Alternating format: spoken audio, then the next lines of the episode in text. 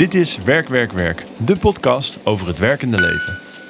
Mijn naam is Cas Vermeer.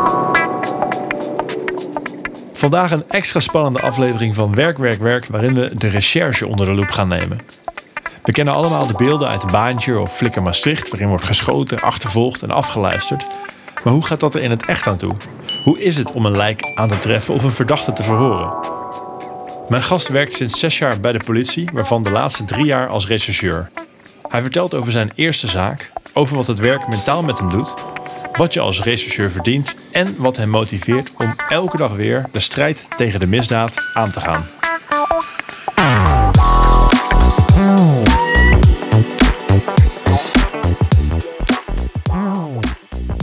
Superleuk, Bob, dat je tijd hebt willen maken voor, voor ons en voor mij en voor, voor Werk, Werk. We gaan het vandaag hebben over de recherche, als je je werk als rechercheur. Ik vind het, ik vind het nu al bloedstollend spannend, dus ik ben benieuwd naar de mooie verhalen. Uh, voor we dat doen, kun je misschien uh, even een korte introductie geven van, van wie je bent en wat je doet? Ja, natuurlijk. Uh, ik vind het heel leuk dat ik vandaag hier wat mag vertellen, dus om daarmee te beginnen. ik ben Bob, 29 jaar. En ik ben sinds zes jaar werkzaam bij de politie, waarvan uh, drie jaar als opleiding en inmiddels drie jaar uh, ja, echt aan het werk als regisseur, zoals je zei. En daarvoor heb ik uh, internationale economie en bedrijfskunde gestudeerd. Dat is heel wat anders. Daar gaan we het vast over hebben hoe je dan hier terecht komt. Ehm, maar laat ik het samenvatten dat ik in ieder geval heel blij ben waar ik nu zit en met de, toch wel de keuzes die ik gemaakt heb. Cool. En, en uh, ik moest net al bijna lachen toen ik je Bob noemde, want Bob is eigenlijk niet jouw echte naam. Uh, waarom is het voor jou uh, en in jouw vak, denk ik, überhaupt belangrijk om, om daar iets voorzichtig mee te zijn met het delen van je persoonlijke informatie? Ehm, nou, met name de laatste tijd en jaren zien we dat, er, dat, dat de politie gewoon richtpunt is van van alles en nog wat. Uh, ik werk bij de recherche. Dat betekent dat je soms met mensen in aanraking komt die ik uh, niet uh, in mijn eigen, bij mijn eigen voordeel wil hebben. Ja. en heel simpel gezegd, um, doe ik er in mijn privéleven best wel veel aan om gewoon mijn privé en werk te, gescheiden te houden. Ik heb ook geen social media bijvoorbeeld. Ik zit niet op LinkedIn, Facebook, Instagram, weet ik wat er allemaal is tegenwoordig. Uh, en dan zou het voor mij gevoelsmatig een beetje gek zijn om hier, hier helemaal out of the open uh, uh, wel dit stuk in één keer te gaan doen. Waarvan ik natuurlijk weet dat, dat deze podcast natuurlijk een miljoenen publiek ja, ja, bereikt. Dus, dus vandaar, Bob. Ja, er wordt ook in, de, in, in het criminele circuit wordt er ook heel goed geluisterd naar werk, werk, werk, heb ik begrepen. Dus. Ja, kijk, ja, zouden ze dat maar doen, hè? Dan, dan ja. Er wordt niet zoveel gewerkt, werk, werkt. Maar goed, dat is een, een andere discussie.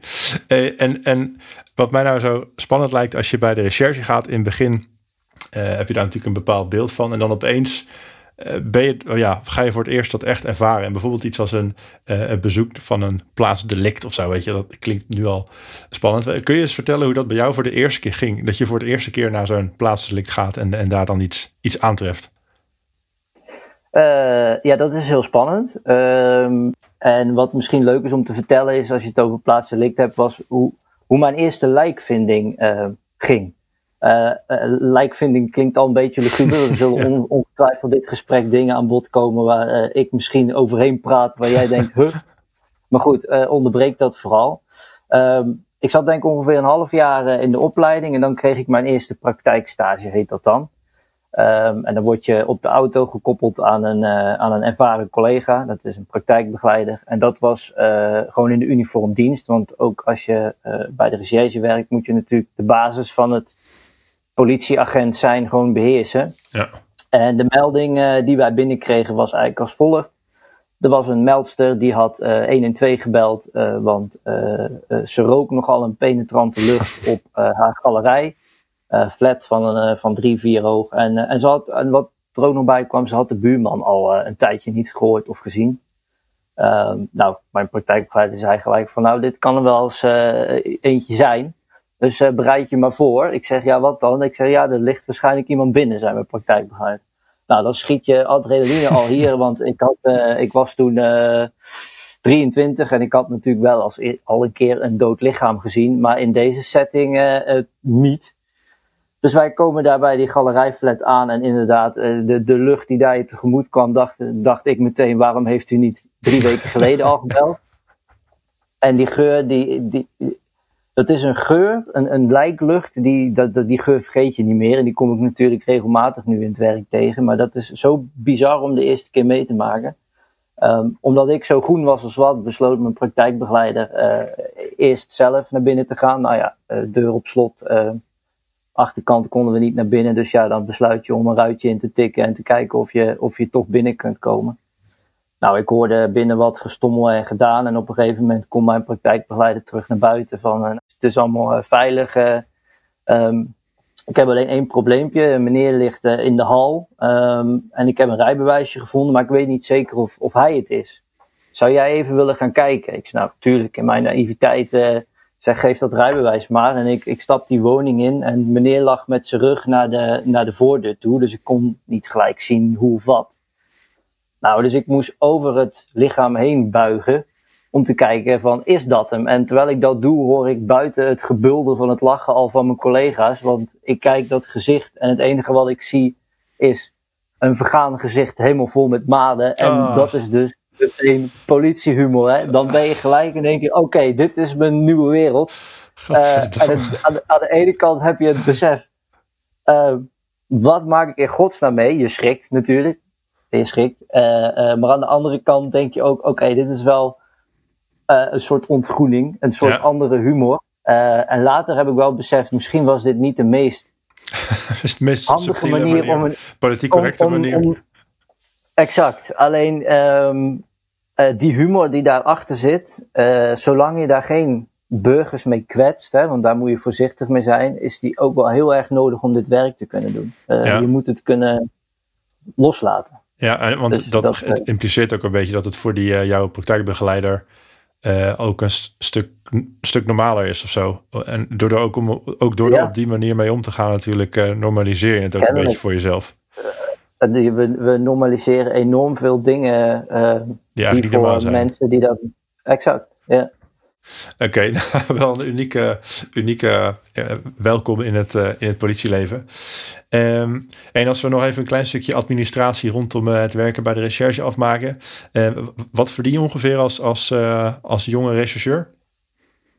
Um, nou, ik heb het de mazzel dat ik um, WO geschoold ben. En in mijn functie is minimaal HBO, maar wetenschappelijk onderwijs, dan, dan stroom je gewoon hoger in. Ja. ik ben ook formeel zijinstromer.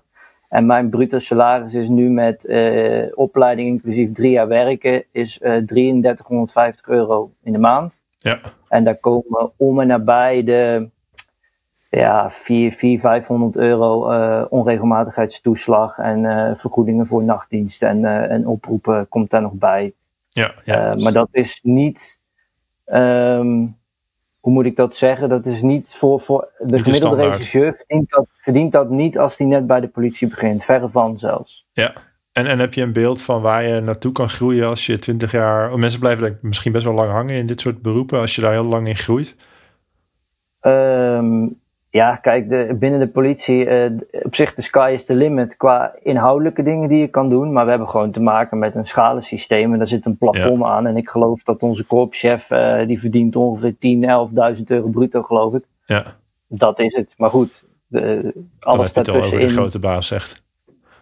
Exact, ja. ja.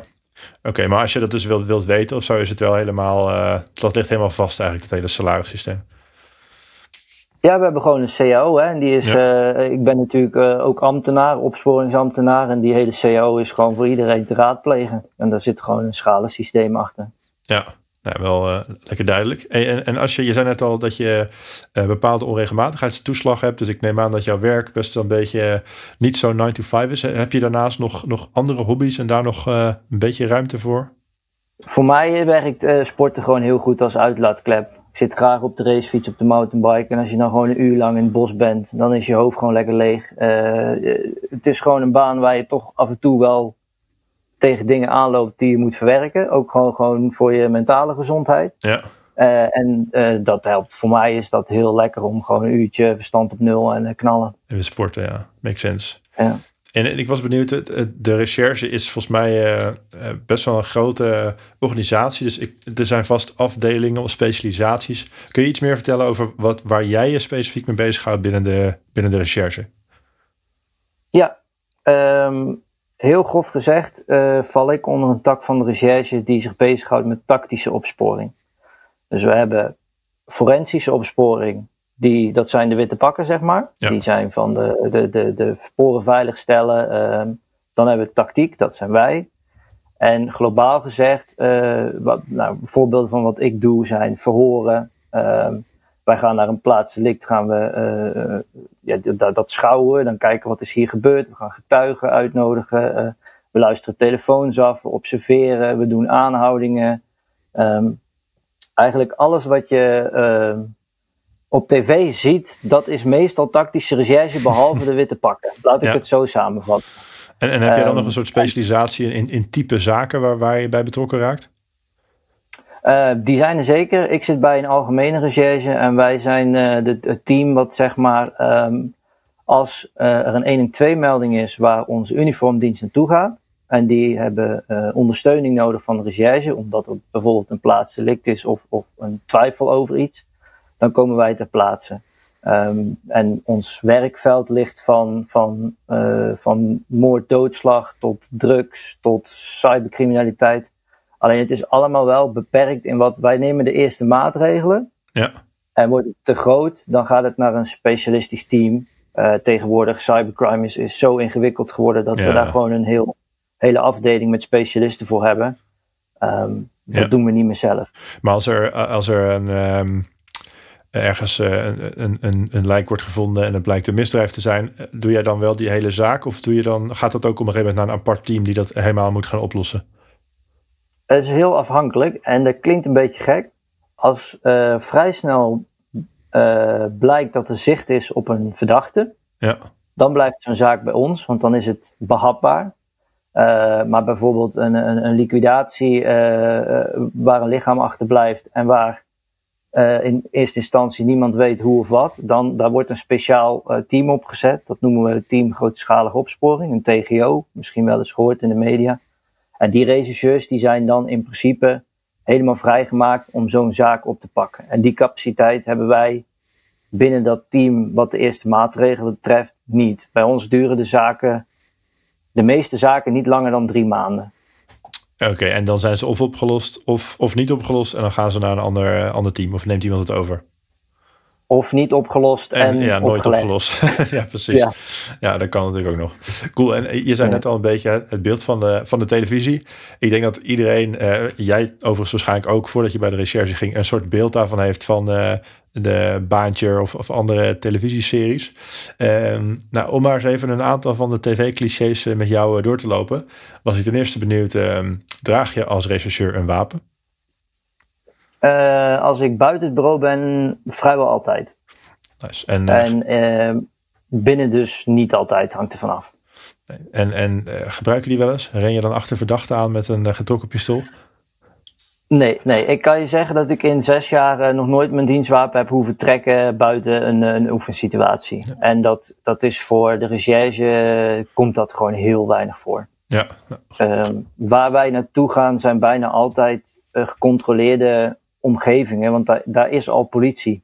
Ja, precies. Um, dus de, de kans dat wij tegen dusdanig geweld aanlopen waar je een, een gebruik moet maken van een pistool is gewoon, gewoon niet heel. Je, loopt niet uh, Holland over straat achter verdachten die je dan uh, moet tackelen. En nee. Dan, ja, jammer. Ja, je weet het nooit. Ja, je weet het nooit. Nee, dat is waar. Heb je dan wel zo'n zo'n zo'n episch zwaailicht wat je op je dak kan zetten van je auto? Ja, die hebben we wel. Maar dat, uh, dat, die mogen we alleen maar aanzetten bij spoed. Nice, maar gebeurt dat wel eens? Uh, zelden ook. Kijk, je moet het zo zien, het klinkt stom, maar een, een, als ergens een overval is gepleegd, uh, die verdachten zijn al weg. Als ergens ja. een lichaam ligt, uh, de, dat gaat niet weg. Ja. Um, dus dat is niet uit te leggen dat jij met 170 ergens naartoe blaast, een ongeluk veroorzaakt, om, omdat je, snap je? Ja. ja ik snap hem. En, maar heb je daar wel een soort van, het lijkt me wel gewoon cool, omdat dat je dat een keer geleerd hebt of zo. Kun heb je daar een soort cursus ja. voor of zo, om dan op hoge snelheid te verkeer? Uh, een rijopleiding gehad, die duurt uh, een week. En dan leer je uh, zowel met gebruikmaking van je, je optische en geluidssignalen als zonder ja. binnen bepaalde richtlijnen zo snel mogelijk door het verkeer ja. te, te, rijden. Dat is in ieder geval en dat is inderdaad gewoon hartstikke leuk. Ja, kan, me, kan, kan me niet voorstellen. Nee. En, en een onderwerp wat je net al zei, wat volgens mij sowieso wel in jouw takenpakket ligt, is dat uh, mensen verhoren. Dus ook daar kennen we natuurlijk van de televisie en een heel klein kamertje met een felle lamp en iemands gezicht en dan moeilijke vragen stellen. Uh, dat, dat lijkt me dus ook eigenlijk best wel. Uh, dat is een setting waar je heel erg tegen iemand, niet altijd misschien, maar in sommige gevallen heel erg tegen, tegenover elkaar staat. Uh, best wel een soort van vijandig. Hoe, was dat, hoe, hoe was dat voor jou in het begin? En raak je eraan gewend of zo om mensen te verhoren? Ja, dat is best, best wel spannend in het begin. Zelfs ja. uh, een fietsendief horen is in het begin spannend. Want dan die ga je bijvoorbeeld bewijs voorleggen van ja, maar ik zie op de camerabeelden dat jij dit gedaan hebt. Dit ben jij. En dat is best spannend om mensen te confronteren, want eigenlijk ben je gewoon, uh, uh, nou ja, ruzie maken wil ik niet zeggen, maar je, je zegt negatieve dingen tegen ja. iemand. Alleen je leert al heel snel uh, binnen de verhooropleidingen dat wij juist heel erg proberen een relatie op te bouwen met een verdachte. Um, wij doen ook altijd het verhoor is altijd opgeknipt in een sociaal verhoor en een zakelijk verhoor. En tijdens het sociale verhoor willen wij gewoon heel graag iemand leren kennen. Wat zijn iemands drijfveren? Wat houdt iemand bezig? Uh, maar ook heeft iemand uh, bepaalde psychische stoornissen, wat, wat voor ons handig is om te weten tijdens zo'n verhoor. En het is ook voor een verdachte kans om zijn eigen situatie uit te leggen, uh, ja. waar bijvoorbeeld een officier van justitie of rechter later rekening mee houdt van, joh, jij hebt al geen huis, je hebt al geen geld, ja, dan ga ik jou niet een enorme boete opleggen, bijvoorbeeld. Ja. Ehm, uh, kun je dan nog wel, uh, ik was ook, ook zo'n beeld, is dat je soms zo'n baantje ging, of de kok ging altijd in zo'n café zitten en heel hard nadenken. En op een gegeven moment dan klikte het in zijn hoofd en dacht hij, ah, nu heb ik, nu heb ik het, weet je wel, gevonden. Heb je wel zo'n Eureka-momentje gehad? Is dat ook totale fantasie? Uh, nou, die Eureka-momentjes, die zullen er ongetwijfeld zijn. Ik weet niet of ik zo snel een voorbeeld heb. Um, maar wat we vaak, er is tegenwoordig zoveel informatie te verkrijgen uit telefoons, ja. uit laptops, wat mensen vertellen, camerabeelden. Er komt wel regelmatig voor dat je, dat je bepaalde data langs elkaar legt en dan denkt van, hé, hey, verrek, maar ik zie in zijn telefoon dat hij op die locatie is geweest.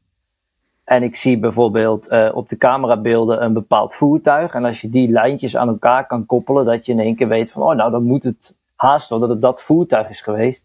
Misschien kan je met een bepaald systeem weer een kenteken achterhalen. En als je bij de kenteken weer bij een naam uitkomt die weer past in het plaatje van wie jij op het oog hebt als verdachte. Dat zijn natuurlijk wel mooie dingen als je die ja. relaties bij elkaar kan brengen. Dus dan in plaats van een soort Eureka-momentje in je hoofd en uh, in de bar, is het nu meer misschien op basis van data dat je dan opeens nieuwe verbanden wel kan, uh, kan ontdekken.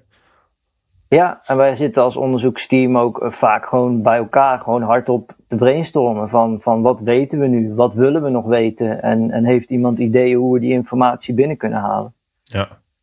En, wat was voor jou, want ik neem aan, toen jij begon had je misschien ook van tevoren een beeld, wat wellicht ook op, op televisie was gebaseerd. Wat, wat was voor jou nou een van de grootste soort van verrassingen of verschillen ten opzichte van wat je had gedacht dat het werk zou zijn en wat het uiteindelijk in bleek te houden? Um, ik had natuurlijk ook zo'n beeld, ja. Hè. Je ziet allemaal flikken Maastrichten met uh, getrokken vuurwapens, uh, ja. deuren eruit beuken en naar binnen rennen. ja. Nou, dat is gewoon totaal uh, niet wat een gemiddelde regisseur doet.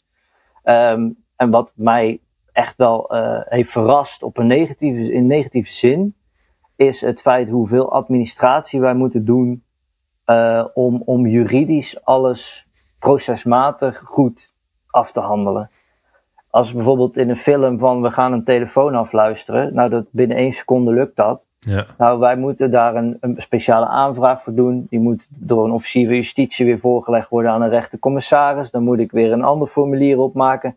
En voordat ik één telefoon kan afluisteren, ben ik, nou, dan heb ik gewoon een uur werk, gewoon papierwerk. En uh, dan heb je het over één lijn, uh, maar wilde je meerdere doen, dan kan het zijn dat je soms daarna een dag zit te typen om alles formeel en juridisch af te handelen. En dan, ja, dat, dat valt me wel heel erg tegen. Ja, en het is wel een interessant onderwerp, want ergens is daar natuurlijk ooit een reden voor geweest om dat zo te doen. Om er waarschijnlijk een bepaalde check of zo op te doen. Om te zorgen dat ook weer niet zomaar iedereen alles kan afluisteren.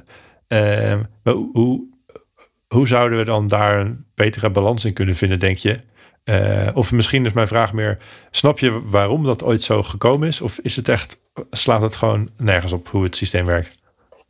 Nou, er zijn verschillende moment, belangrijke momenten geweest uh, in de jaren 80, 90, 2000. En zonder daar heel erg in detail op in te gaan. Het was eerst gewoon een, een soort van losgeslagen cowboy setting. Alles kon en alles mocht. Ja. Maar de middelen die wij inzetten maken een behoorlijke inbreuk op de privacy van een verdachte.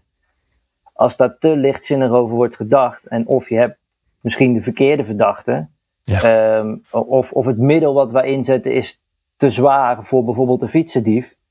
Ik vind wel goed dat daar een bepaalde mate van proportionaliteit is. Alleen ik vind wel dat we nu zijn doorgeslagen in uh, hoe wij als politie zodanig veel moeten doen om het allemaal netjes te houden. Ja. Dat het ons soms belemmert om, om net eventjes van de paden af te wijken. Om misschien net wel dat ene stukje bewijs binnen te halen om die grote boef te vangen. Ja, ja en ik kan me ook voorstellen dat uh, die, die grote boef, die heeft natuurlijk niet een... Uh, die hoeft nergens toestemming voor te vragen. Dus het geeft ook een, misschien een heel soms frustrerend of on oneerlijk gevoel. Is dat, is dat zo? Die heeft geen regels. Nee, nee die precies. heeft geen regels. Nee, nee, als, wij een, als, als wij een bakertje onder een voertuig willen plakken, dan zijn wij gebonden aan regels. Maar als een boefje dat doet, uh, ja, die plakt de 20 uh, die hij bij AliExpress heeft ja. gekocht en die plakt gewoon leuk raak. Ja, dat is natuurlijk. Maar goed, ga je je verlagen tot dat niveau, ja, hoe zijn wij dan nog beter dan de boefjes? Nee, ja, dat is een hele mooie vraag, denk ik. Dus, dus ja, beantwoord hem misschien zelf maar. Dus, dus hoe, hoe voorkom je dat je je verlaagt tot dat niveau, maar tegelijkertijd natuurlijk wel wil je wil wel wedijveren met ze op een zo. Uh, ja, niet eerlijk is misschien niet het goede woord, maar het is natuurlijk heel frustrerend als je door de regels niet.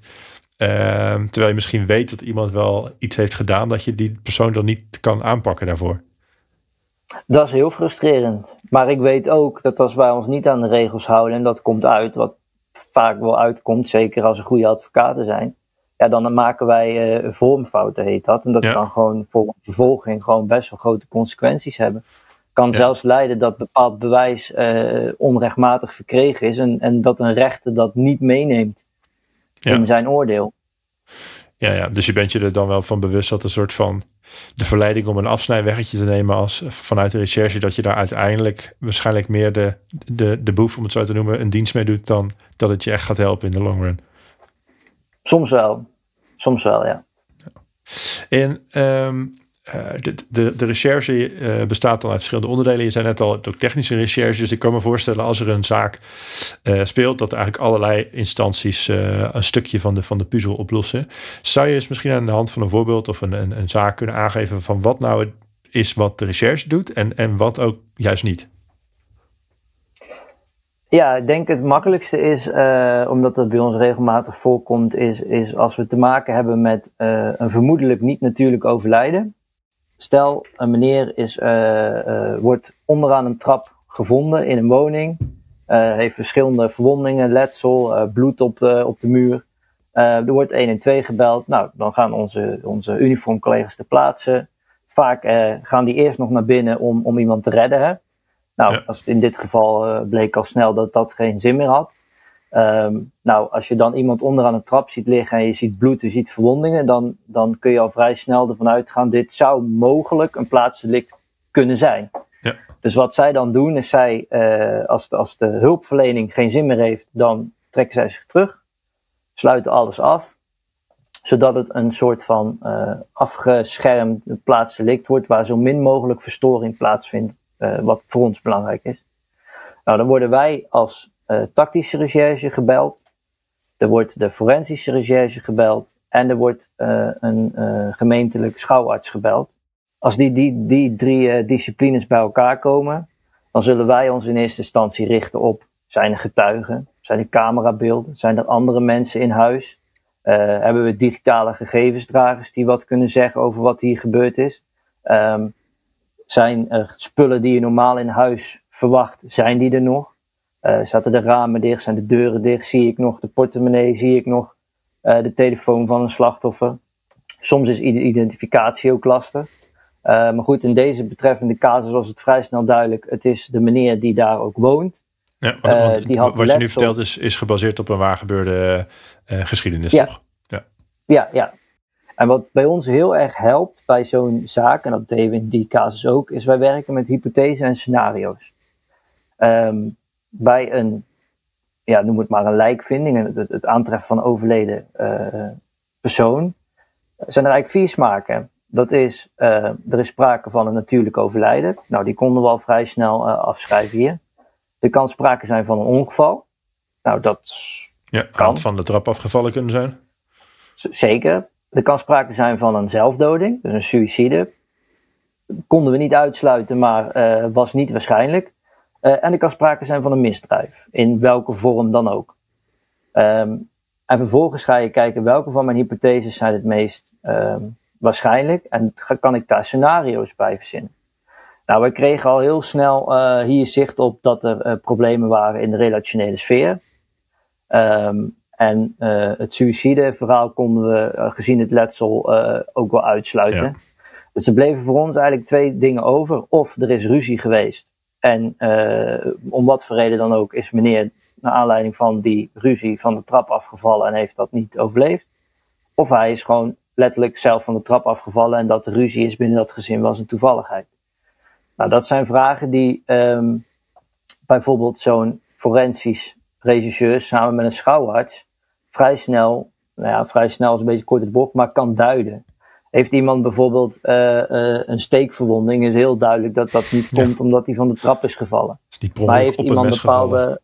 Gevallen. Nee, nou ja, er zijn gekke dingen gebeurd. Maar uh, zij konden in dit geval wel vrij snel vaststellen dat het, het uitwendig letsel, dat dat zou kunnen passen bij een val van de trap. met andere woorden, die hypothese van ongeval blijft overeind. Ja. Um, en in dit geval hebben wij er wel voor gekozen, omdat er dus wel bepaalde twijfels waren. Hebben wij bijvoorbeeld voor gekozen om de partner, dan wel ex-partner, was een beetje vaag, uh, af te luisteren. Dus dat kan dan op dat moment met spoed. Dus dan krijgen wij daar een mondelinge toestemming voor van een officier van justitie en een rechter. En wij willen gewoon vanaf het moment dat wij bezig zijn, willen wij gewoon weten wat, wat gaat die dame doen. Gaat die, gaat die een zus bellen? Gaat die een moeder bellen? En wat vertelt zij? Ja. En dan kun je soms ook heel duidelijk, bijvoorbeeld, we hebben nu de overweging gemaakt om met haar af te spreken van, joh, ik zie dat u helemaal overstuur bent, maar gaat u maar even naar familie toe? Um, is er iemand die u kan bellen? dus Door haar een beetje al die aan kant op bellen, ja. Nou ja, en dan gaat, wat gaat zij vertellen? Ja. Nou, in dit geval paste alles wat zij vertelde en paste gewoon bij het ongevalscenario. Dus ik kan de, de verklappen dat wij uh, op, binnen deze casus uiteindelijk geen enkele aanwijzing hebben gehad dat het anders zou zijn dan een val van de trap. Uh, en later bleek ook dat meneer uh, nogal wat verdovende middelen en stom dronken was. En ja, ja. Dat, dat past dan allemaal in, in het ongeval. Ja. maar dat is, ik weet niet of ik antwoord heb gegeven op je vraag, maar dat is ongeveer wat wij dan doen. Ja, en Um, dus je maakt echt altijd gebruik van zeg maar steeds concrete. Je werkt steeds vanuit concrete hypotheses en scenario's. En die ga je onderzoeken of je die kan onderbouwen. Of, of andersom misschien. Of je die kan afschieten omdat er bepaalde nieuwe aanwijzingen zijn. Zoveel mogelijk. En uh, niet in elke zaak leent zich daarvoor. Maar op het moment dat je denkt van nou, dit, dit kan wel eens spannend worden. Dan, dan proberen we op die manier te werken. En je werkt natuurlijk ook niet in je eentje aan zo'n zaak. Dus ik kan me voorstellen dat het ook daarbij helpt om, om met je team eh, kritisch te, te reflecteren. En eh, wat is, hoe ziet zo'n team er voor jou bijvoorbeeld uit? Wat, hoe groot is de groep mensen waar jij dagelijks mee werkt? En misschien ook wat voor verschillende rollen of hiërarchie of zo zit daarin? Um, nou, in de basis uh, werken wij met een. We hebben 100 regisseurs op ons, op ons team. En die zijn onderverdeeld in ja, min of meer thema's. Uh, we hebben een, een, een, groep die houdt zich bezig met jeugdcriminaliteit. We hebben een groep bezig die houdt zich met algemene zaken. Uh, we houden een team wat zich bezighoudt met overvallen um, en uh, straatroven. Um, en als een zaak binnenkomt, dan kijken we eerst wat is hiervoor nodig. Kijk, heb je het over een, nou ja, een, een overlijden waar een misdrijfcomponent aan zit, dan wordt daar veel meer capaciteit ja. voor vrijgemaakt dan wanneer we het over een, een, een straatroof hebben waar iemand bedreigd is en zijn telefoon is afgenomen. Ja. Om een, een beetje een idee te geven, als er een straatroof waar iemand wordt bedreigd met een mes en de telefoon is afgenomen, dan zal meestal één koppeltje mee aan de gang gaan met zo'n zaak. Dus dan heb je gewoon twee regisseurs. En die zijn daar afhankelijk van de complexiteit van zo'n zaak een aantal weken mee bezig. En doe je dan alleen die zaak die weken of doe je ook meerdere zaken dan? Nee, gemiddeld heb je meerdere zaken. Je kunt natuurlijk in, in, binnen één zaak niet altijd verder. Soms moet je wachten op onderzoeksresultaten. Precies, soms moet je wachten tot, tot überhaupt tot je een, een aangifte kan opnemen. Dus gemiddeld heb je een x aantal zaken onder je. En dat is heel afhankelijk van hoe groot die zaak is. Ja. Op dit moment heb ik twee hele grote zaken onder me. waarin ik samenwerk in een team van ongeveer zes regisseurs in dit geval. Ja, dan heb ik aan twee zaken heb ik gewoon mijn bordje vol. Ja, ja, ja. ja. Ja, logisch. En, en heb je ook nog binnen jou, bijvoorbeeld nu waar jij mee werkt met, met zes anderen, heb je dan, zijn jullie allemaal een soort van even knieën of zit daar ook nog weer een soort hiërarchie in dat je een soort senior regisseur en een junior regisseur hebt? In ons geval hebben wij, uh, dat noemen we uh, generalist tactische opsporing. Dat is de rang hoofdagent. Dan hebben we een senior tactische opsporing, dat is de rang brigadier. En dan hebben we operationeel experts en operationeel specialisten. En dat is de rang inspecteur. Uh, en daar ben ik, ik ben een operationeel specialist.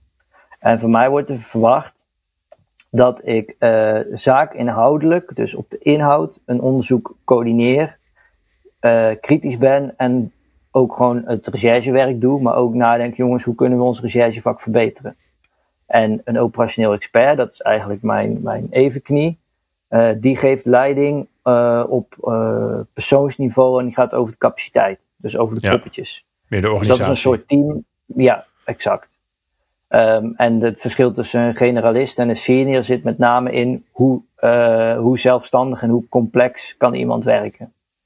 En, en um, je zei net al, uh, um, van je hebt eigenlijk uh, jouw studieachtergrond was eerst meer economisch en toen ben je naar de politie geswitcht. Kun je daar nog, uh, zonder daar al te diep op in te gaan, maar kun je daar iets over vertellen wat, wat, wat daartoe gemotiveerd heeft? Um, nou, ik had wel in mijn achterhoofd al, al tijdens de middelbare school al wel gezonde interesse in de politie. Leek me wel, leek me wel gewoon mooi, leuk, mooi, cool, vet, weet je wel. Um, alleen toch besloten om, om eerst te gaan studeren. Ook wel een beetje gestimuleerd thuis om dat te gaan doen. Uh, maar ja, goed, dan doe je die studie, dan haal je gelukkig je diploma. Uh, alleen tijdens mijn hele studie had ik gewoon niet de, de, de passie en de interesse om daarmee verder te gaan. En toen dacht ik, uh, toen ik daarmee klaar was, van ja, maar waarom ga ik het dan niet gewoon proberen bij de politie? Um, en tuurlijk, als ik kijk naar mijn oud klasgenoten van toen, die rijden nu in Tesla's en die hebben waarschijnlijk een salaris wat twee keer zo hoog is.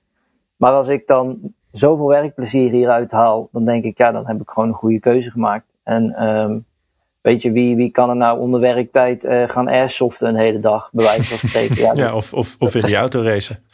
Ja. Of in die auto racen, ja. ja. Dus ja, het moet vooral, volgens mij moet je vooral gewoon plezier hebben in je werk. En, en, en, dat, uh, en we worden ook weer niet zo slecht betaald. Tuurlijk, het, wordt al, het mag altijd beter.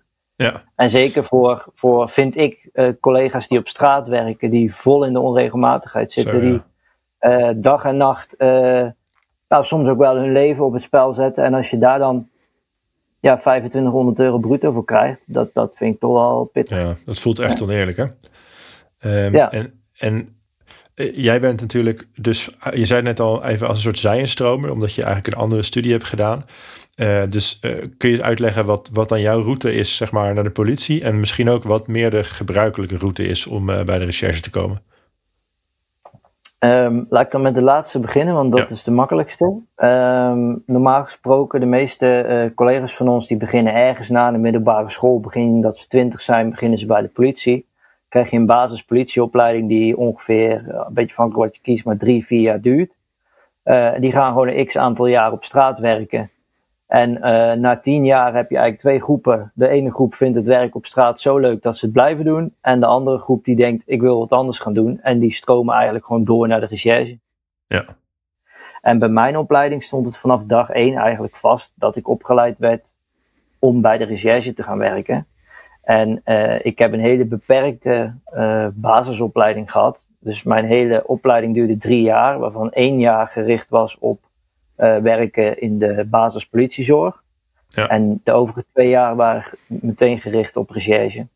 En is dat heel, hebben ze dat speciaal voor jou gedaan? Of is dat iets wat ze voor zij en stromers vaker doen? Nee, dat is een, dat is een, een, uh, een bredere uh, manier. Het is, het is gewoon een opleiding. Uh, en die wordt gewoon aangeboden door de politieacademie. Ja. En als jij een HBO-diploma of hoger hebt, maakt niet uit eigenlijk in welke richting. Het liefst natuurlijk wel wat enigszins raakt aan, aan, aan werk ja. wat je bij de politie kunt doen, uh, dan kun je daar gewoon op solliciteren. Dan kun je, hoe heet die opleiding? Dat is uh, recherchekundige master, heet dat. Oké, dus dat is eigenlijk dat is een masteropleiding en met bijna alle vooropleidingen kun je daarop uh, je voor aanmelden.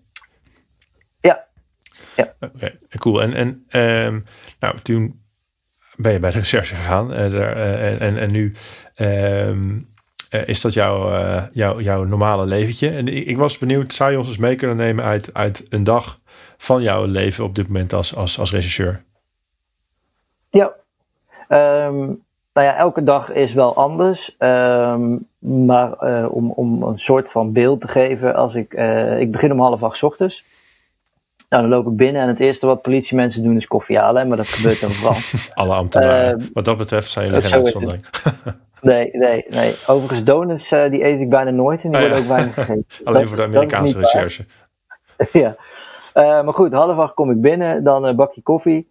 Um, dan vraag ik meestal aan de uh, collega's die piket hebben gehad. Dat heet dus oproepdienst. Ja. Uh, die dan s'avonds en s'nachts eigenlijk gewoon van on call zijn. Hè? Of wat voorgevallen is. En als die er niet zijn, dan check ik dat zelf even in het systeem. Nou, ongeveer de helft van de keren is er, is er s'avonds of s'nachts wat gebeurd waar iemand bij is geweest. en dan lees ik dat in. En nou, 9 van de 10 keer hoef ik er zelf niet mee aan de gang. Maar het is gewoon ja. goed om te weten wat er, wat er binnen jouw team gebeurt. Dan om 8 uur hebben we gezamenlijke briefing, noemen we dat. Dan bespreken we alle lopende zaken, wie waar mee bezig is en wat mensen nodig hebben om verder te kunnen. En ook wat ze die dag gaan doen. Uh, en dat duurt meestal, afhankelijk van, van uh, de dag, maar meestal rond een half uurtje. Um, dus om half negen begint eigenlijk de echte werkdag. Ja. Uh, en uh, als ik een gemiddeld dag pak, vaak ga ik verder met een onderzoek waar ik mee bezig was. Uh, afgelopen week ben ik bezig geweest met het opvragen van historische verkeersgegevens. komt erop neer, we hebben telefoons in beslag genomen. daar zitten bepaalde e-mailnummers aan vast en bepaalde telefoonnummers. En dan gaan we kijken over een x aantal weken, maanden van met welke andere nummers of welke andere gebruikers stond deze verdachte in contact gedurende uh, de incidenten die we onderzoeken. Ja. Uh, nou, daar ben ik dan afhankelijk van hoe lang het duurt, maar daar moet een, ook weer zo'n formele aanvraag voor geschreven worden. Die maak ik dan. Dan moet je motiveren waarom je die gegevens wil hebben. En als die gegevens er binnen zijn, ga je dat gewoon, gewoon domweg zitten analyseren. Uh, daar hebben we bepaalde software voor. Um, en dan ben je soms wel uren bezig om. om want ja, het klinkt nu simpel, maar je hebt het echt over databestanden die, die, groter en ja. groter en groter worden. Ja. Uh, als ik een gemiddelde iPhone uh, moet uitlezen en onderzoeken, ja, daar, daar, staat ik weet niet hoeveel gig aan data in. Uh, daar moeten we echt keuzes in maken van, we doen bijvoorbeeld alleen maar van datum, weet ik veel, september, oktober. En voor de rest kijken we niet, want het is zoveel. Niet te doen, ja. Niet te doen, nee. Nou, en als ik dan dat de ochtend heb gedaan, dan ben ik meestal dat voor de rest van de dag wel, wel, wel beu. ja. vaak hebben we smiddags um, ik althans in mijn functie nog wel een, een overleg met andere specialisten van wat speelt er op de teams, waar kunnen we verder in ontwikkelen. Um, dat duurt meestal een uurtje. Meestal heb ik ook wel een afspraak met een burger, noemen we dat. Dus of ik heb een verhoor, of ik heb een getuige, of ik moet ergens uh, naartoe omdat ik wil zien hoe een plaatselijk eruit ziet. Um, wat ook nog vaak voorkomt, uh, is dat ik, we werken met meerdere locaties, dat je gewoon onderweg bent. Ja, Zo simpel is het. Uh, Dan ga je ook veel ja. op en neer. Maar omdat, in mijn rol, de zaken waar ik nu mee bezig ben, is het ook gewoon alles bijlezen wat men doet. Dat het een grote zaak is, bedoel je? Ja, er zijn zes mensen aan het werk. Uh, die zijn allemaal dingen aan het doen. Er komen resultaten van, die bevinden dingen. En er moet ook één iemand zijn die overzicht houdt. Ja. Is dat dan ook dus jouw rol meestal in zo'n team? Uh, vaak wel. Vaak wel, ja. En ben je dan, dan ook, want je moet het een soort van tactisch overzicht houden, maar en op basis daarvan natuurlijk weer kiezen van eh, wat is de invloed van wat we nu hebben geleerd op onze hypothese, wat is dan de hypothese die we hen nu uh, centraal stellen, wat, wat, moeten we dan nu gaan doen? Uh, maak jij die keuzes of doe je dat, is dat meer een teamverband altijd? Vaak in een teamverband. We hebben natuurlijk de recherche vergrijsd, maar dat betekent dat we ook heel veel regisseurs hebben zitten met enorm veel ervaring. Ja. Um, en wat we vaak dan samen doen is: oké, we hebben nu deze resultaten gevonden. Dan betekent dat we bijvoorbeeld deze scenario's die vallen af. Dat kan niet meer. Ehm, en wat we vaak ook samen gaan zitten is, is we zijn nu bijvoorbeeld aanhoudingen aan het voorbereiden. Ehm, eh, de ene aanhouding is de andere niet. Soms heb je te maken met gevaarzetting. Hebben we dan ondersteuning nodig van een arrestatieteam of een andere groep die dat voor ons kan doen, of kunnen we het zelf? Uh, je moet gewoon je personeel organiseren. Er moet op een x datum moet er zoveel man politie zijn. Er moet uh, uh, heel simpel, er moet iemand zijn die de verdachte als die aangehouden wordt, moet die naar het bureau overgebracht ja, worden. Ja, een logistieke organisatie soms die je dus, moet opzetten. Ja, en dat, dus, dat is niet heel ingewikkeld, maar dat moet wel geregeld worden. Ja. Um, je moet gewoon zorgen, kijk, als wij een aanhouding doen, bij voorkeur doen we dat als mensen nog slapen. Ik moet gewoon zorgen dat er bijvoorbeeld acht man uh, over twee weken op maandagochtend om half zes op het bureau uh, operationeel inzetbaar zijn. Ja. Dus je bent ook gewoon dingen aan het regelen. Ja, en het, klinkt ook als je zo je dag vertelt dat je een beetje een 50-50 balans hebt tussen echt kantoorwerk met, met uh, of papierwerk of, of analyse of meer in de computer en een beetje de andere helft uh, wat meer het, het buiten of, of in gesprek met de andere mensen, zeg maar wat minder achter je bureau werken. Is dat, is dat een verre conclusie? Um, ik zou zeggen dat hij voor, voor mijn rol uh, zelfs eerder richting 80-20 gaat. Dus 80% ben ik op het bureau in de zin van kantoorbaan uh, bezig en 20% ja. ben ik buiten. En voor een gemiddelde regisseur zal die verhouding uh, net iets anders liggen, omdat die, die zijn ook nog, nog veel meer uitvoerend bezig dan dat ik ben. Ja. daar zal die 50-50 wel redelijk kloppen. Redelijk kloppen. Oké, okay. dat is toch dat is ook iets waar denk ik veel mensen die dit werk kiezen ook juist uh, natuurlijk juist heel leuk vinden om ook een beetje buiten te komen. Of ik bedoel niet eens per se fysiek buiten, maar los van achter de computer zitten, wat natuurlijk bij veel kantoorbanen is. En, en, en een beetje verder in, in die lijn um, was ik benieuwd wat, wat, wat denk jij dat, dat mensen nou kenmerkt die bij de recherche gaan en wat is voor hun de motivatie is om, om dit werk te doen? Ik denk dat het belangrijkste is uh, de drijfveer uh, rechtvaardigheid. Iets, tenminste dat is ook als ik me op mezelf betrek, ja. iets voor slachtoffers kunnen doen. Um, als jij uh, het nodig vindt om iemand overhoop te steken om een portemonnee te jatten, dan hoop ik dat, dat wij als politie alles in het werk stellen om die persoon te pakken. Gewoon om, om te zorgen dat het slachtoffer een soort van voldoening heeft dat het, het recht moet rechtgezet worden. Ja. Um, dus, uh, en als je dan ziet wat wij voor slachtoffers kunnen betekenen, is dat gewoon heel dankbaar werk. Ja. Um, dat is mijn grootste drijfveer. Uh, dat je niet zomaar in Nederland uh, van alles kunt doen zonder dat daar consequenties aan zijn.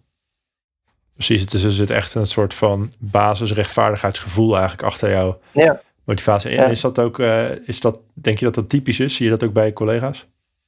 Ja, dat denk ik wel.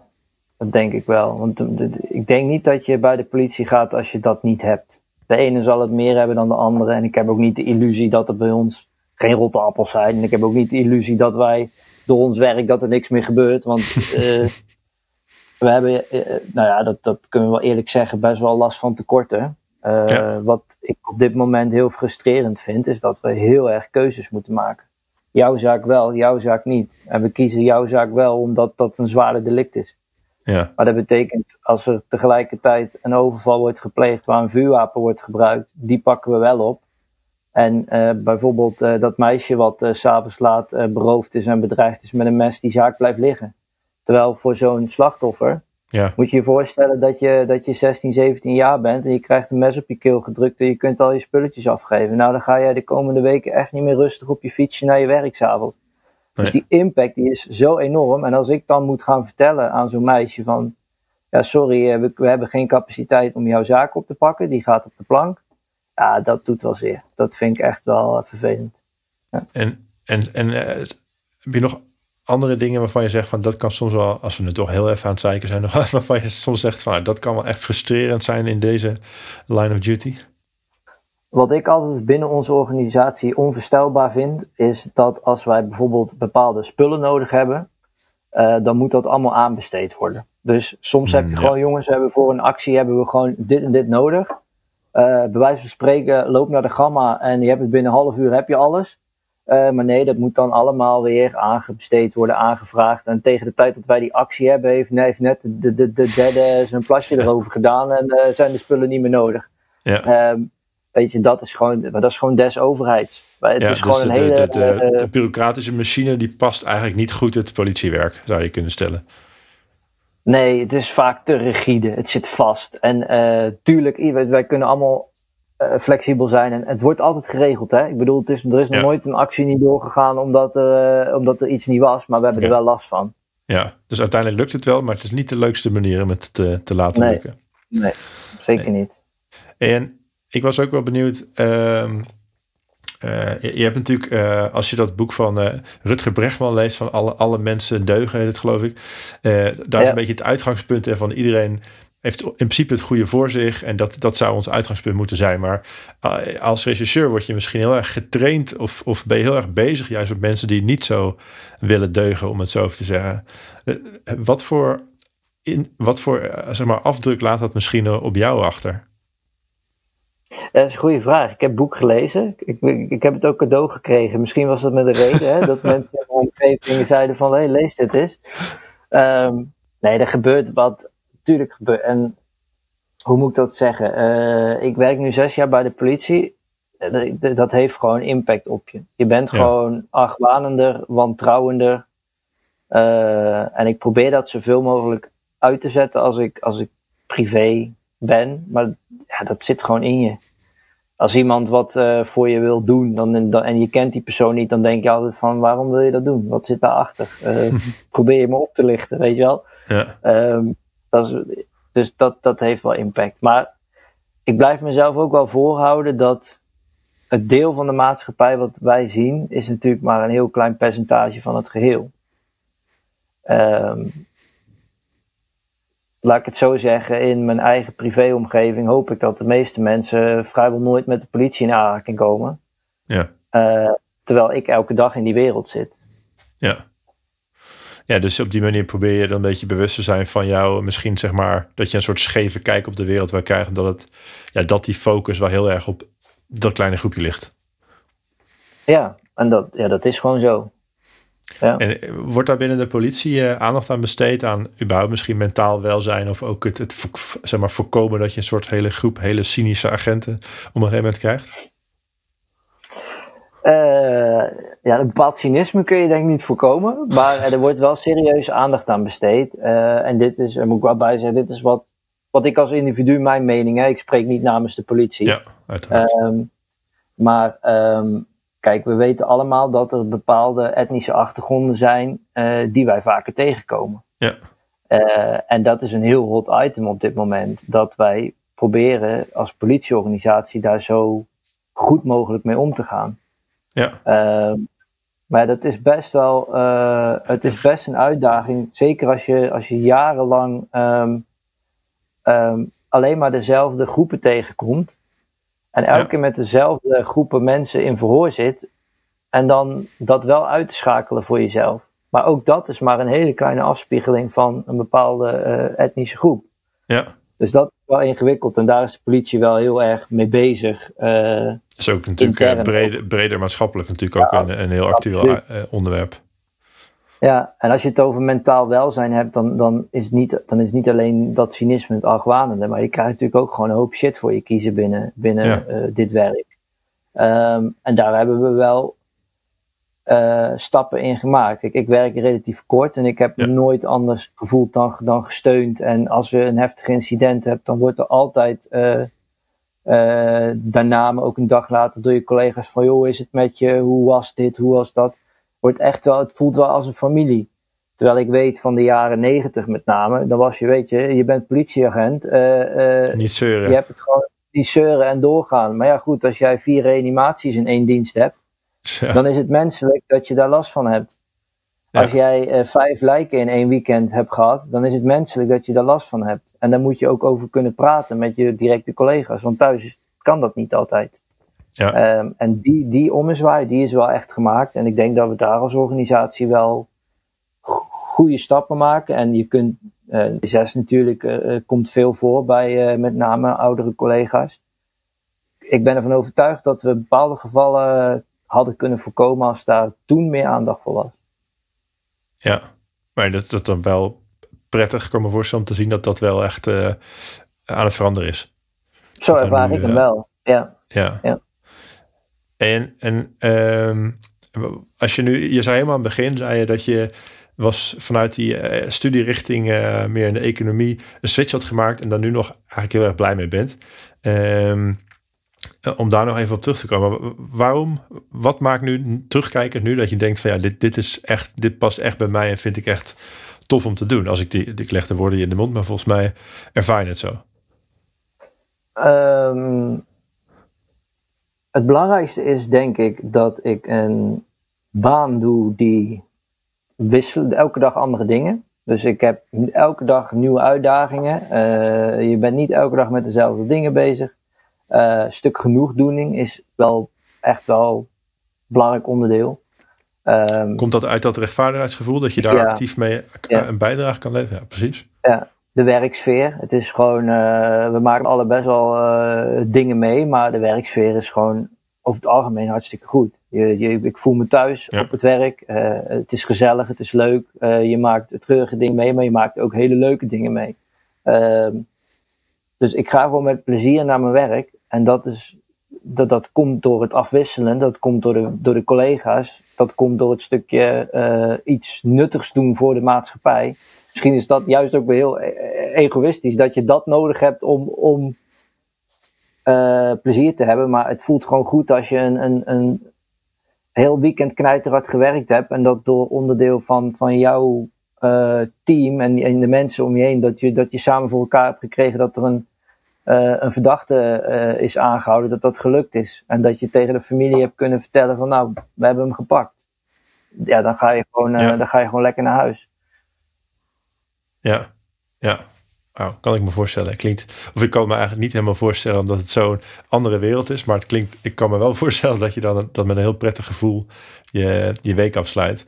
Uh, en en, en het, het, het spannende, zeg maar, waarvoor je misschien ooit werd aangetrokken, zit dat ook nog, uh, is dat nog steeds wel iets wat je wat in je werk zit en wat je leuk vindt? Of, of speelt het überhaupt niet meer zo'n rol? Uh, vind ik nog steeds leuk. Uh, speelt beperkt nog steeds een rol. Uh, kijk, wij doen aanhoudingen ja. ook gewoon nog zelf. En dat heeft echt met gevaarzetting te maken wanneer we dat niet doen. Als iemand uh, vuurwapengevaarlijk is, dan hebben wij daar gewoon een specialistisch team voor. Die trainen elke dag Ja. om dat soort lui aan te houden. Gaan we niet zelf doen. Maar uh, niet zo lang geleden ben ik Ja. zelf nog door een keukenraam naar binnen geklommen om, uh, om iemand uit zijn huis te halen. ja, ik vind dat helemaal grappig. Dat is wel heel vet Ja, dat vind ik helemaal fantastisch. Ja. Weet je, dat is gewoon hartstikke leuk om te doen. Uh, uh, en en Ja. ook om, zelfs als zo'n arrestatieteam een aanhouding doet, zijn wij daar op de achtergrond wel bij, omdat we vaak. Ja, eh, dus je voelt die spanning dan natuurlijk ook wel. Krijg je wel mee. ja, tuurlijk. En ehm kijk, ik kom bijna nooit meer bij geweldsincidenten die nog gaande zijn. Dat is gewoon niet het werk van Ja. de recherche. Uh, maar ik heb wel in die situaties gezeten. Uh, ik heb ook wel eens een keer, uh, onze portofoon heeft een noodknop. Ja, die heb ik ook wel eens in moeten drukken, omdat ik dacht, dit gaat niet goed komen in me, in, met z'n tweetjes. En die, Ja, die adrenaline die je dan hebt, de, die mis ik ook niet hoor. Dat, die, die, die, uh, die hoef ik Dat is wel echt eng, bedoel je? ja, dat is gewoon eng. Als je, als je denkt van er gaat nu wat met mij en mijn maatje gebeuren. Wat ik, dat, Ja. Maar dit was dan meer uit jouw geuniformeerde het jaar dat je nee, dit was ook al bij de recherche. Maar toen kwamen we Ook gewoon in een situatie ja, terecht die we niet helemaal Ja, hadden. even een foutje. nou ja, niet eens een foutje, maar je werd gewoon echt geconfronteerd. Ehm, en eh, Ja. eh, dat is, achteraf is dat allemaal, eh, allemaal eh, spannend en geweldig. Maar Mooi verhaal, dat maar is ja. gewoon niet waarvoor ik, ik. Ik ben niet op zoek naar die adrenaline rush. Ehm, Nee, niet, en ja, nee. Dus, dus ik had ook als vraag voorbereid van voel je je wel eens persoonlijk onveilig in je werk? Ehm, maar misschien geef je hier al een beetje antwoord mee van meestal niet. En als het gebeurt was niet de bedoeling. ik denk dat dat een goede samenvatting is, ja. ja. En, en als we nog heel even wat verder uh, uitzoomen en een beetje vooruitblikken. Um, uh, Bob, over, over tien jaar uh, zit je dan nog steeds bij de politie en, en binnen de politie bij de recherche of wat anders? Of, of zou je denken dat je misschien ook nog wel eens ooit een hele andere kant op gaat? Ik, ik, ik denk dat ik nog bij de politie werk. Omdat ik gewoon ontzettend goed naar mijn zin heb. En ook omdat er intern zoveel mogelijkheden zijn om, om, om andere dingen te doen. Um, ik verwacht niet dat ik ooit op straat ga werken. Uh, maar binnen de recherche zijn er ook zoveel specialistische teams. Uh, dat je altijd wel ergens weer een nieuwe uitdaging uh, kan vinden. En ik kan natuurlijk ook nog um, uh, op, op managementniveau groeien. Die ambitie heb ik op dit moment niet direct. Maar ja, wij hebben ook een teamchef en een, en een korpschef en een eenheidsleiding. Dus er zijn zoveel mogelijkheden. Um, en daarbij heb ik natuurlijk wel de luxe, die heel veel van mijn collega's niet hebben, is dat ik een diploma heb van buiten de politie. Dus mocht er een moment komen dat ik het wel zat ben, dan heb ik natuurlijk de mogelijkheid om iets anders te gaan doen. En dat zie ik wel bij veel collega's die na de middelbare school bij de politie zijn begonnen. Die zitten een soort van gegijzeld binnen dit werk. Ja, nou, dan heb je dan heb je goed voor jezelf georganiseerd, zou ik zeggen. En, en als je uh, even omgekeerd van het vooruitkijken, als we juist een beetje teruggaan. Uh, je bent uh, zes jaar geleden was het volgens mij begonnen. Ehm, en je hebt ondertussen denk ik een hoop geleerd en jezelf ontwikkeld. Als je nou met de kennis van nu eigenlijk terug kon gaan naar, naar de Bob van toen. En je zou nog wat advies kunnen geven op basis van ja, wat je nu geleerd hebt. Wat, wat zou je dan jezelf meegeven? Wat ik uh, fijn had gevonden als ik toen had geweten dat het oké is dat, niet iemand je, dat iemand je niet aardig vindt. Dat, uh, dat leer je bij dit werk wel. Ja, en heel ja. veel. ik, ik vond het heel belangrijk toen ik jong, ik ben nog steeds niet zo oud, maar toen dat iedereen me aardig vond en dat, dat alle mensen ja. tevreden met je zijn. Maar dat leer je wel heel erg in dit werk dat het gewoon niet kan. En bedoel je met alle mensen ook, ook, ook, je collega's? Of bedoel je dan ook dat je eigenlijk wilde dat de, de, de verdachte die je ging verhoren ook jou, jou ook ja, dat, uh, Ik heb het over daarvoor, voor de politie. Maar nu ook privé. Als je, ja, heel simpel voorbeeld. Als je ergens geen zin in hebt, dan zeg ik soms van ja, ik kom niet, want ik heb geen zin. Weet je wel, dat is best, dat is best moeilijk om te zeggen. Uh, uh, maar als je dat wel doet, vinden mensen dat soms raar. Maar er wordt ook de eerlijkheid wordt gewaardeerd. En je leert binnen de politie wel om om, om, om confronterende berichten te sturen of te zeggen. Of je leert ook om slecht nieuws te brengen. Want ja, heel kort de bocht. Uh, als een, een, maatje van mij vraagt, ga je mee fietsen? En ik zeg nee, want ik heb geen zin. Dat is een klein beetje slecht nieuws, weet je wel? Ja, dus ja, ja, Dat leer je wel. En als je dan ook het positieve er weer uithaalt van uh, je, bent, je bent in zes jaar ben ik veel volwassener geworden, gewoon met alles. Weet je, maar ook van 23 naar 29 gebeurt er sowieso van alles in je leven. Uh, en je ziet een kant van de maatschappij waar ik nog nooit had bedacht dat het bestond. Mooi, dus, dus je kijkt met uh, plezier terug, zeg maar, of, of met een goed gevoel terug ja, op de keuze toen. Ik, ik ga jou enorm bedanken, uh, Bob, voor je, bijdrage. Um, als mensen je nog iets willen vragen, is het in dit geval iets moeilijker om jou op LinkedIn te vinden of uh, te e-mailen. Dus mochten mensen contact willen hebben, kunnen ze best contact met mij opnemen via werkwerkwerkpodcast.nl. Dan verbind ik je eventjes door aan Bob, als ik je bericht leuk genoeg vind. Um, ja, voor nu echt super bedankt. Uh, ik, ik vond het heel interessant om te horen wat je doet en überhaupt wat de recherche doet. Want uh, ja, vanuit het beeld van, van de baantjes van deze wereld, dat klopt dus niet helemaal. En ik denk ook een heel mooi uh, enthousiasmerend verhaal voor mensen die overwegen om bij de politie te gaan. Um, nou, heel dus, graag ja, gedaan. Hartstikke bedankt. En, ja, we, de, de, we zoeken genoeg mensen, dus mocht als mensen het idee hebben van zou het wat voor me zijn, uh, ja, probeer het altijd. En uh, wat Kas al zei, als er contact gewenst is, dan kan dat via de Werk, Werk, Werk podcast lopen. Bedankt voor het luisteren naar deze aflevering van Werk, Werk, Werk. De podcast over het werkende leven. Op de website werkwerkwerkpodcast.nl vind je een samenvatting en links naar bronnen uit dit gesprek. Ook kun je je daar aanmelden voor de nieuwsbrief, zodat je nooit een aflevering hoeft te missen. Daarnaast hoor ik heel graag wat je van deze aflevering vindt en wie ik nog meer zou moeten spreken. Laat het me weten in een review in je favoriete podcast-app of stuur een berichtje via de website werkwerkwerkpodcast.nl. Dankjewel.